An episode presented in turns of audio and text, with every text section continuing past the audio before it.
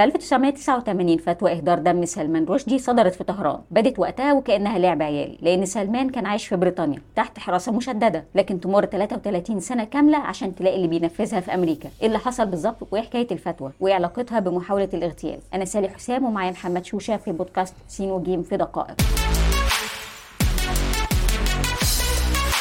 إيه اللي حصل لسلمان رشدي بالظبط؟ بحسب رواية الشرطة الأمريكية وشهود العيان سلمان كان رايح يدي محاضرة في غرب نيويورك. يا دوب لسه طالع المنصة اقتحمها مهاجم اسمه هادي مطر عمره 24 سنة. كان لابس قناع أسود وسدد لسلمان 15 طعنة في هجوم استمر ل 20 ثانية. الهجوم كان غريب ومفاجئ وغير متوقع بدرجة إن الحضور كانوا بيعتقدوا إن اللي بيحصل ده تمثيل عشان يقولوا إن الأفكار اللي سلمان رشدي بيروجها لسه قبل الحياة. لما أدركوا أن الموضوع بجد اعتقل المهاجم وسلمان رشدي اتنقل للمستشفى في حالة خطرة. حاليا بيفترض أن هو تجاوز مرحلة الخطر لكن في أفضل الأحوال هيعيش بكبد تالف وأعصاب يد مقطوعة وبدون واحدة من عينيه. ليه كل ده حصل أصلا؟ يعني إيه أصل الحكاية؟ هو الموضوع ليه ليه جزء إن موهبة سلمان رشدي ظهرت بدري شوية مع روايته أطفال منتصف الليل اللي خدت البوكر في سنة 1981 نركن ده على جنب فضلنا بعدها تقريبا سبع سنين لغاية ما صدرت رواية آيات شيطانية ودي اللي من خلالها لقى الانتشار العالمي. رجال دين مهمين قالوا إن الرواية دي بيظهر فيها إلحاد واهانه للنبي محمد فبدأت تندلع آه، مظاهرات عنيفة في أكتر من دولة. خلال أعمال العنف في وقت المظاهرات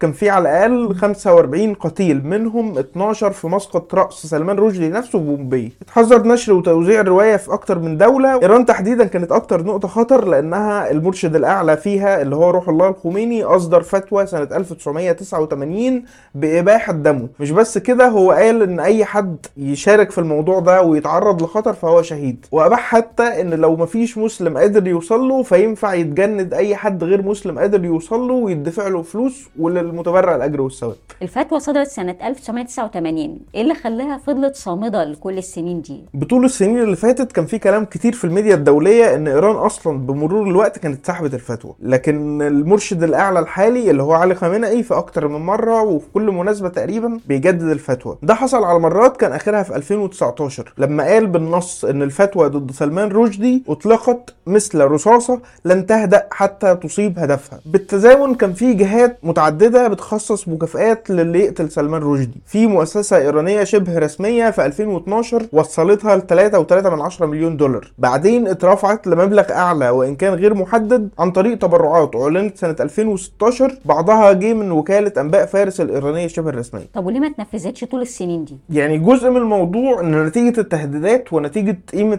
سلمان رشدي نفسه لأنه بيوصف بأحد أفضل الكتاب البريطانيين اللي لسه عايشين وإنه حاصل على أكتر من وسام. فهو كان متخصص له حماية خاصة جدا وكان عليه حراسة مشددة طول الوقت وكان مضطر يختفي على الأنظار تسع سنين على الأقل قبل ما يبدأ في الظهور بشكل حذر و... وإن كان خلال المناسبات اللي هو ظهر فيها بعد كده عمره ما وقف انتقاداته الشديدة لل... للتطرف الديني. طيب هل في ده أي دليل على تورط إيران في الحادث. محتاجين نقول إن في مصادر شرطية في نيويورك قالت إن منفذ المحاولة متعاطف مع النظام الإيراني. وهنا هناخد بالنا إن عمره 24 سنة بس زي ما قلنا يعني هو اتولد بعد بعد دوشة الرواية وبعد الفتوى وبعد كل الموضوع ده تماما يعني. النقطة الثانية إن قبل أسبوع واحد من الهجوم كان الموقع الإخباري الرسمي للحكومة الإيرانية بيعيد نشر فتوى الخميني وبيقول إن هي حكم لا ينسى للمسلمين في في العالم وجدد التذكير بالمكافأة المرصودة للي يقتله. في المقال جه نص بيقول إن بعد 33 سنة من الفتوى ما زال سلمان رشدي بيعيش كابوس الموت